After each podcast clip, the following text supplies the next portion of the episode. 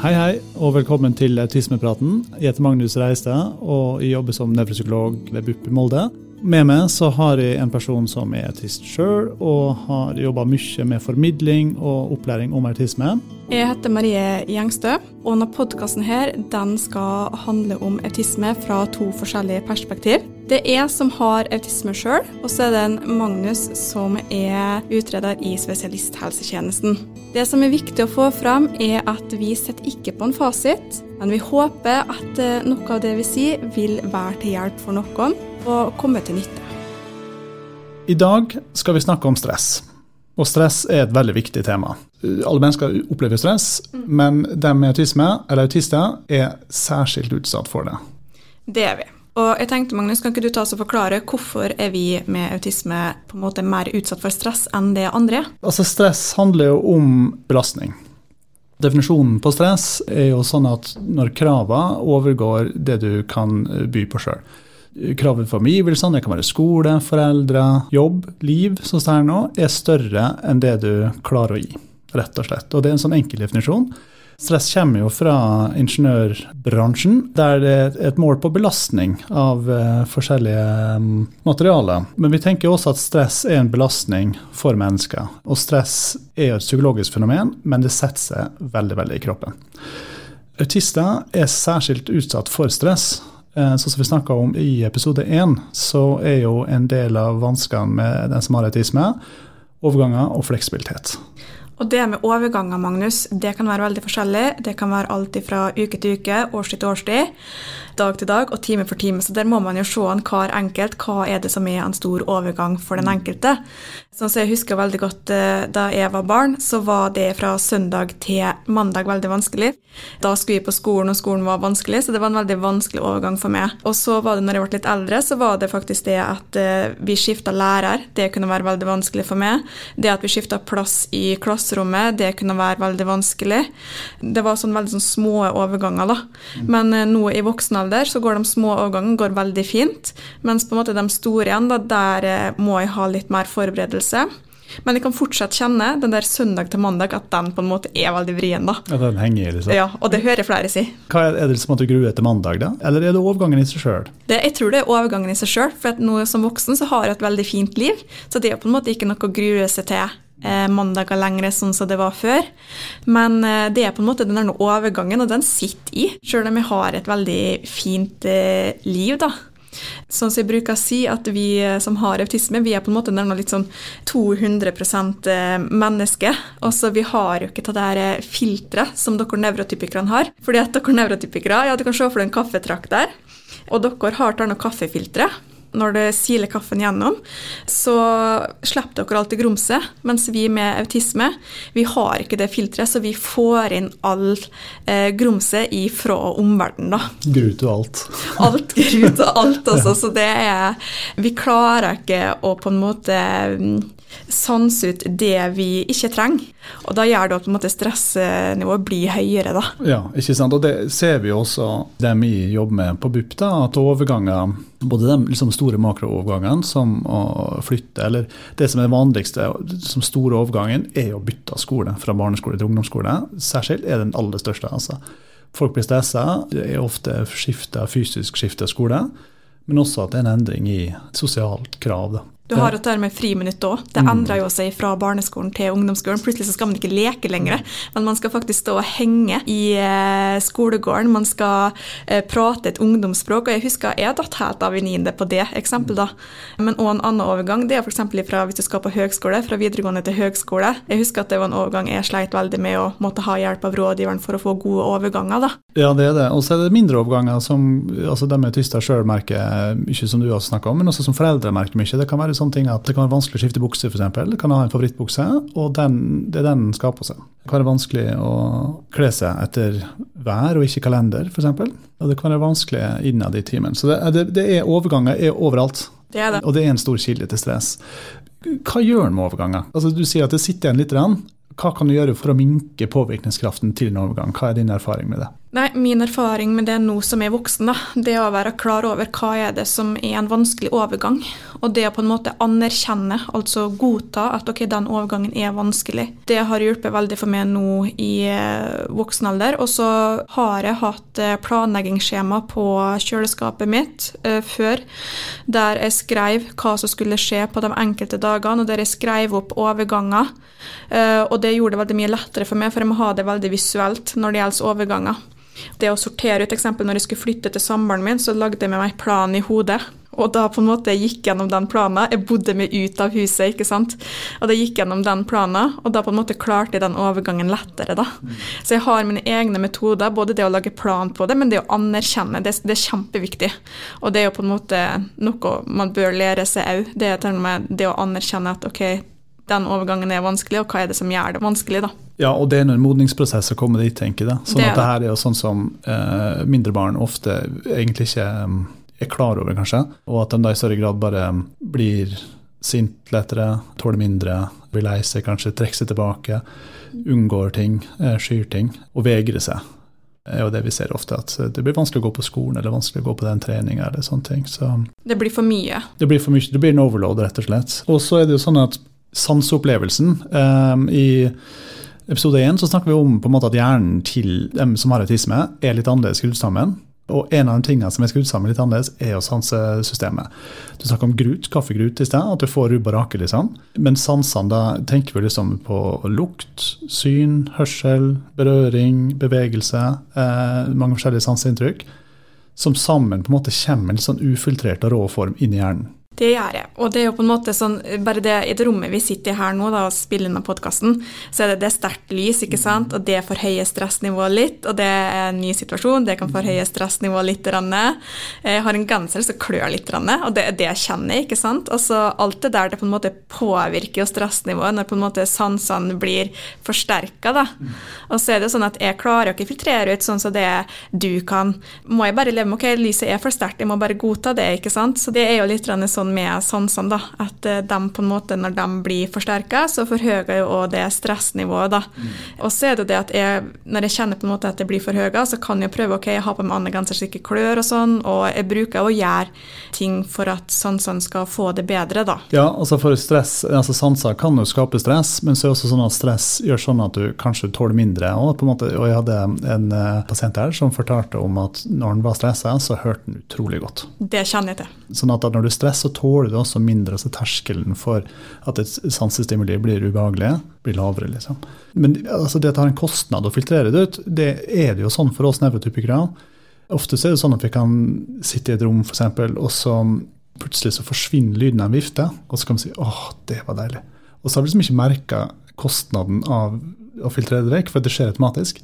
Men det er veldig godt når det forsvinner. Så det er en kostnad for oss òg, men samtidig så er nok den automatiseringsprosessen der gjerne bedre. altså. Og så er det jo sånn at eh, i hvert fall sånn som jeg merker, at eh, når man er stressa, sånn så jeg kjenner veldig godt igjen i pasienten som sa at han hører mye bedre.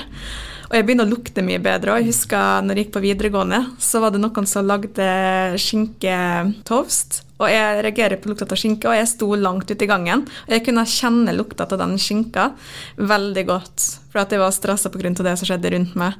Så jeg får en veldig sånn, sterk luktesans i tillegg, da. Og så er det jo sånn, ja, vi hører alt. Vi hører knappenål som faller borti Afrika, liksom. Ikke sant? Så det, det, er, det er sånn det er, da. Det er jo på en måte en overfølsomhet som ja, skjer. er det. Men altså sånn, en av nøkkelområdene tenker jeg da, til å leve med autisme, er å kjenne etter når en blir stressa. Og da er det jo egentlig liksom sånne varseltegn eller røde lamper eller et eller annet sånt, som er forskjellig egentlig fra folk til folk. Varierer veldig, men det er veldig viktig å finne ut liksom hva er stressen, men også hvordan vet jeg at det er stressa. Hvordan vet du at du blir stressa?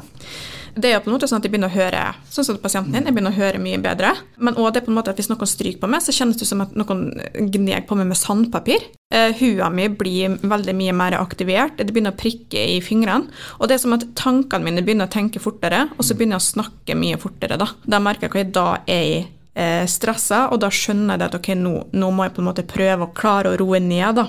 Og så mista jeg konsentrasjonen etter det. Jeg zooma ut mye mer fordi at det blir nesten sånn overlovd i hodet. da. Og da, vet jeg at okay, nå er stresset for høyt. da. Ja. Så det er sånn jeg kjenner. så det er jo sånne situasjonsting, altså når stresset skjer der og da. Men altså sånn, stress er jo liksom at vi kan tenke at det, at det bygges opp over tid, kanskje og at du står i en situasjon over lang tid.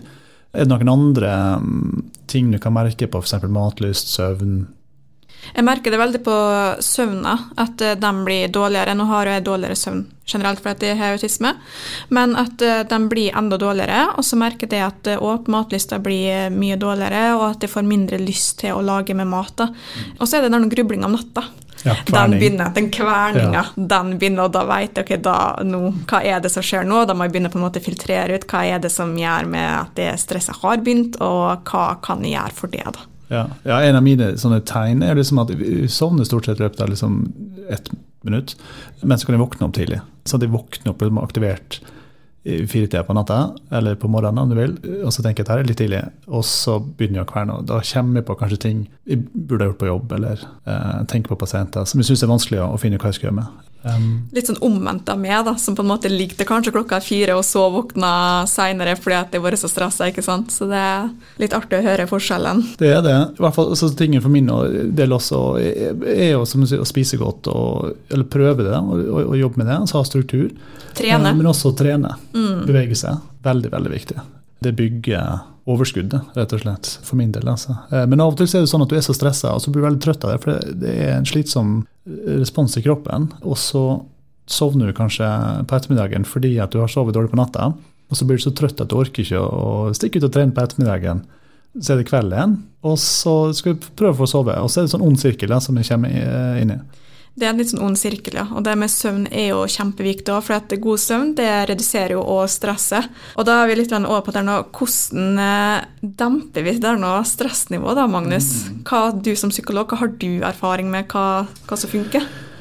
Um, uten tvil det som på en måte demper stress mest, er liksom forutsigbarhet og trygghet og kontroll. Um, du får kontroll i at ting er forutsigbart. Men også at du kan få hjelp fra andre til å ikke f.eks. takke ja til for masse. Det er noe som kan være vanskelig. Eller at du kan f.eks. ha redusert liksom studier. For eksempel at, du, at du ikke har full studiebelastning, liksom, men at du går halv tid, f.eks. Så det å lære å ha en god kalender og være for, forberedt, det er nok det aller viktigste, tenker jeg. Det kjenner jeg meg veldig godt igjen ifra det med å ha autisme. At eh, det med å ha planlegging og det med å ha kontroll, det med å ha kontroll, det syns jeg er veldig viktig. da. Det har alltid vært viktig for meg for å dempe stress. Det med å ha kontroll i hva som skjer i situasjoner, hva jeg skal etterpå, det med å planlegge godt, det at det er forutsigbart og det at det er trygg og god ramme rundt det. da. Men eh, noe av det andre som jeg har på en måte funnet fungerer veldig godt, da, det er på en måte hvis jeg sier det høyt til dem jeg er med at jeg stresser, for da kan de kanskje hjelpe med å sortere ut litt hva er det som gjør at jeg er stressa. For, én ting er liksom å prøve å forut, liksom å minimere sjansen for at stressende situasjoner oppstår. Men vi er jo sånn at livet er jo ikke forutsigbart. Ofte så skjer ting, og så blir en stressa. Og da må du kunne liksom redusere stressen der og da. Sånn som du sier, å bare si i situasjonen shit, nå er jeg litt stressa. Altså. Eh, så hvis jeg snakker litt fort, eller hvis det er noe sånt, så, er det bare fordi jeg er stressa. Pusten endrer seg veldig ofte. Og du har en teknikk liksom for å puste, vet jeg. Ja, angående kroppslige reaksjoner som vi var inne på, da.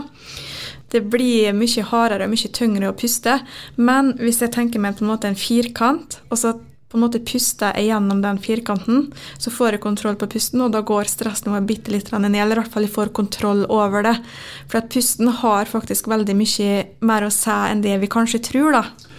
Så Da puster du på en annen måte eh, og roer ned pusten, men så også tar du vekk oppmerksomheten fra det som er stress. Altså vi tenker liksom stress som et sånt psykologisk fenomen, at det er der det starter. liksom, ikke sant?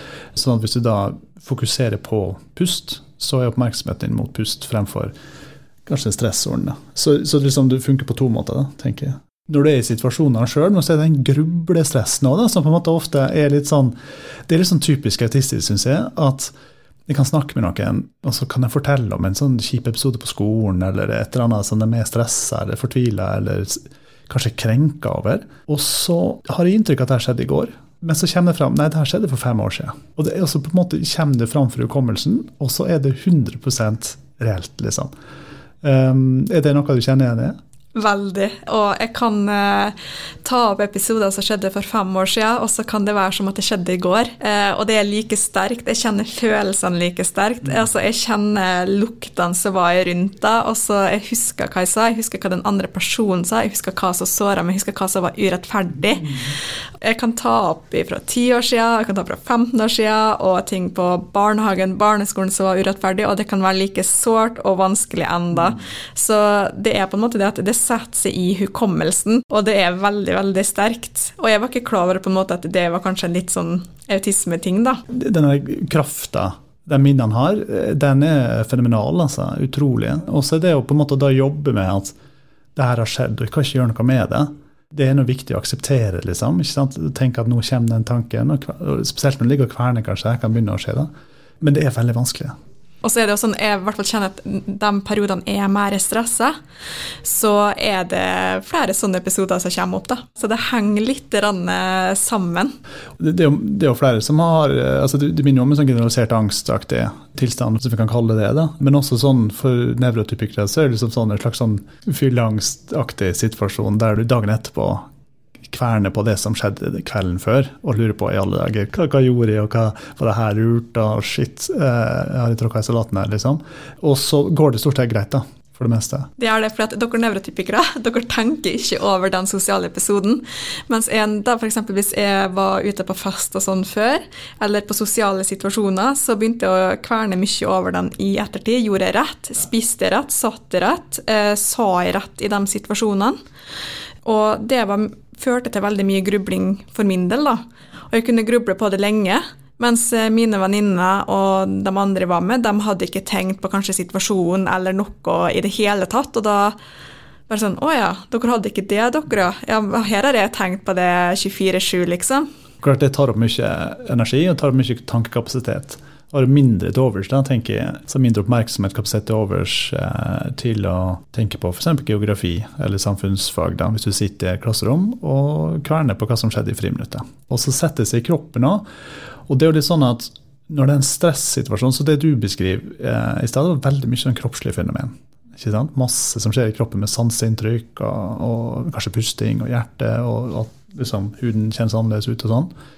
Klart Når det her skjer over lang tid, er det ofte at det baller på seg, det bygger på seg. Det får en kumulativ effekt, som vi ser. På et eller annet tidspunkt så kan det nå komme til en slags sånn kollaps, da, der det blir for masse. For systemet, da, altså kroppen som et system. Da. Altså Det kommer jo som regel ikke som lyn fra klar himmel, i hvert fall ikke i ettertid, da, når en kan begynne å nøste opp i hva som egentlig har skjedd der. Men for andre kan det kanskje være det. Um, og da liksom en sånn autistisk burnout, da, som er et begrep som på en måte er ganske sånn nytt. da. Men der det er den stressreaksjonen som blir for overbelastende. Jeg vet ikke om du har, har opplevd noe lignende? Det har jeg. Ja. Eh, spesielt når jeg var på videregående og sånne ting, så kunne jeg ofte være helt utkjørt når jeg kom hjem. Fordi at eh, jeg var veldig flink sosialt og flink eh, faglig og sånne ting. Og når jeg kom hjem, så ble det rett og slett for mye, eh, sånn at jeg på en måte sovna, da. Eh, og så har jeg òg hatt det i senere tid at det har blitt for mye, og så har jeg på en måte vært ute av det i lang, lang tid. da. Eh, og da har jeg måttet finne metoder på en måte for å komme meg opp igjen.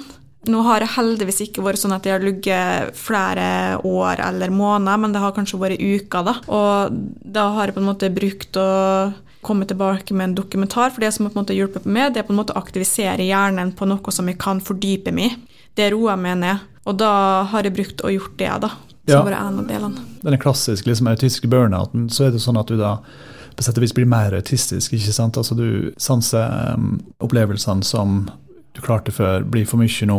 Det blir vanskelig å gå på skolen, kanskje du vegrer deg for ting. Adaptiv funksjon går ned, altså dvs. Si, sånn selvhjelpsferdigheter som å dusje, pusse tennene, kan være vanskelig å utføre. Og at en kanskje da trekker seg tilbake til å, å gjøre mer sånn repetitive bevegelser, men også repetitive interesser. At du på en måte um, spiller veldig masse. Eh, er det det veldig mange ungdom gjør. Sånn at uh, du blir mer autistisk, og så bruker du egentlig da den repetitive uh, som en atferdsregulering. Da er det tid som hjelp, og også som skjerming. Altså mindre krav.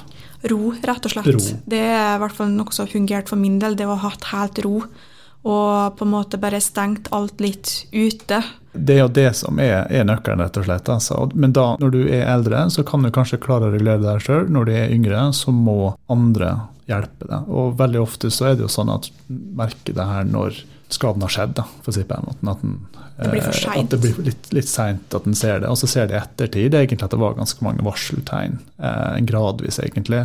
Oppbygging av stress og, og farlig funksjon. En av tingene er jo liksom kanskje hjernetåka og vansker med konsentrasjon. Med hjernetåke så mener vi liksom ikke nektetåke, men, altså, men konsentrasjonsvansker er egentlig det. Glemme ting og zoome ut. og i hvert fall sånn, jeg har, eh, Når jeg har vært i burnout, så har jeg glemt ting og har zooma at jeg ikke klart å konsentrere meg og eh, bare måtte unnskylde til folk at oi, nå husker jeg ikke, eller at eh, nei, det her går ikke, da. Som vi sa til å begynne med, så er dem som har autisme, er utsatt for stress. Og når du er utsatt for stress og er stressa, så sliter du med å konsentrere deg. Og det er også sånn at nesten alle jeg snakker med som eh, har autisme, sliter også med å konsentrere seg. Ofte så blir man henvist med mistanke om konsentrasjonsvansker, som ADHD f.eks., men det er en, en, en følgetilstand. Eh, veldig mange har ADHD i tillegg, men nesten alle har en konsentrasjonsvanske uten at det er noe feil med konsentrasjonssystemet. Det er bare at det er opptatt med andre ting. Det kjenner jeg meg sånn, i hvert fall veldig godt igjen i. Det at på en måte det er opptatt med andre ting, da, og får på en måte ikke konsentrert seg om det man egentlig skal. Mm. Det er en gjenganger hos meg, i hvert fall har vært opp gjennom både barndommen og ungdommen. da. Ja. Og søvn også snakka vi om i stad, på en måte det med, med at det er et varseltegn. ikke sant? Eller det kan være at du vansker med å falle i søvn med kverning og sånn, er forferdelig vanskelig. Nei, vanlig. Eh, det kan være veldig vanskelig å, sovne, men også å våkne tidlig. Eh, det er liksom de to klassiske tingene. Og da er det jo enkelte ting som kan hjelpe for det. Søvnhygiene eh, er noe vi pleier å anbefale og fokusere veldig på. Hva betyr søvnhygiene for det? Er ikke noe flink til det, men egentlig så bør man ha lite skjerm eh, før man skal sove. Og så for meg så fungerer det ikke å trene før jeg skal sove, og ikke kaffe etter klokka to, faktisk. Eh, det er veldig viktig da for min del. Også det at eh, det er godt å Jeg kan ikke ha det kaldt på soverommet, så det fungerer ikke for min del, men jeg må ha det godt og varmt. Uh, og på en måte at soverom er soverom, at det ikke er noe annet. da. Og um, det er det som på en måte fungerer for min del sånn noenlunde. Nå sliter jo jeg veldig med søvna generelt, og så er søvn har vært utfordrende for meg hele barndommen, ungdommen og nå i voksen alder, og sånn er det bare. Men på en måte hvis jeg gjør litt sånn ikke drikk kaffe og ikke trene hardt, prøv å ikke se serier som på en måte er kjempetriste eller på en måte er masse kriging i før jeg skal legge meg, ikke sant. Og så, det høres veldig rart ut, men det på en måte har fungert litt, sånn at på en måte hjernen er på en måte rolig når jeg skal legge meg og ikke er fullt aktivert. Ja, ikke sant. Ja, det er nok det som er nøkkelen, tenker jeg. Og, og så på en måte å sikre at soverommet er assosiert med søvn. At du skal gå inn dit for å gå og legge deg. Du skal ikke gå inn dit og spise en pizza mens du ser på en serie. liksom. Eller se fotball. Eller, eller fotball, eller hva som helst. Og det, og det er jo lettere for voksne som har et eget soverom, mens barn har ofte et eh, rom der de skal eh, være for seg sjøl. Eh, det liker jo veldig mange autister ikke sant? å være um, i fred. Ikke nødvendigvis alene, uh, men å være i fred. Og da er det rommet som er alternativet. Sånn Det er da, friplassen. det er friplassen, og da er det lurt kanskje å se om det går an å ha et annet sted å sove, altså rett og slett, og og flytte senga til et sted der det er mindre ting. Kan eventuelt ha et, hvis man har mulighet til at man har et som er lekerom, og så et som er kun soverom. da. Og så er det litt sånn at du kan, kan gjøre ting, altså Skjerm er vanskelig å fjerne helt, da.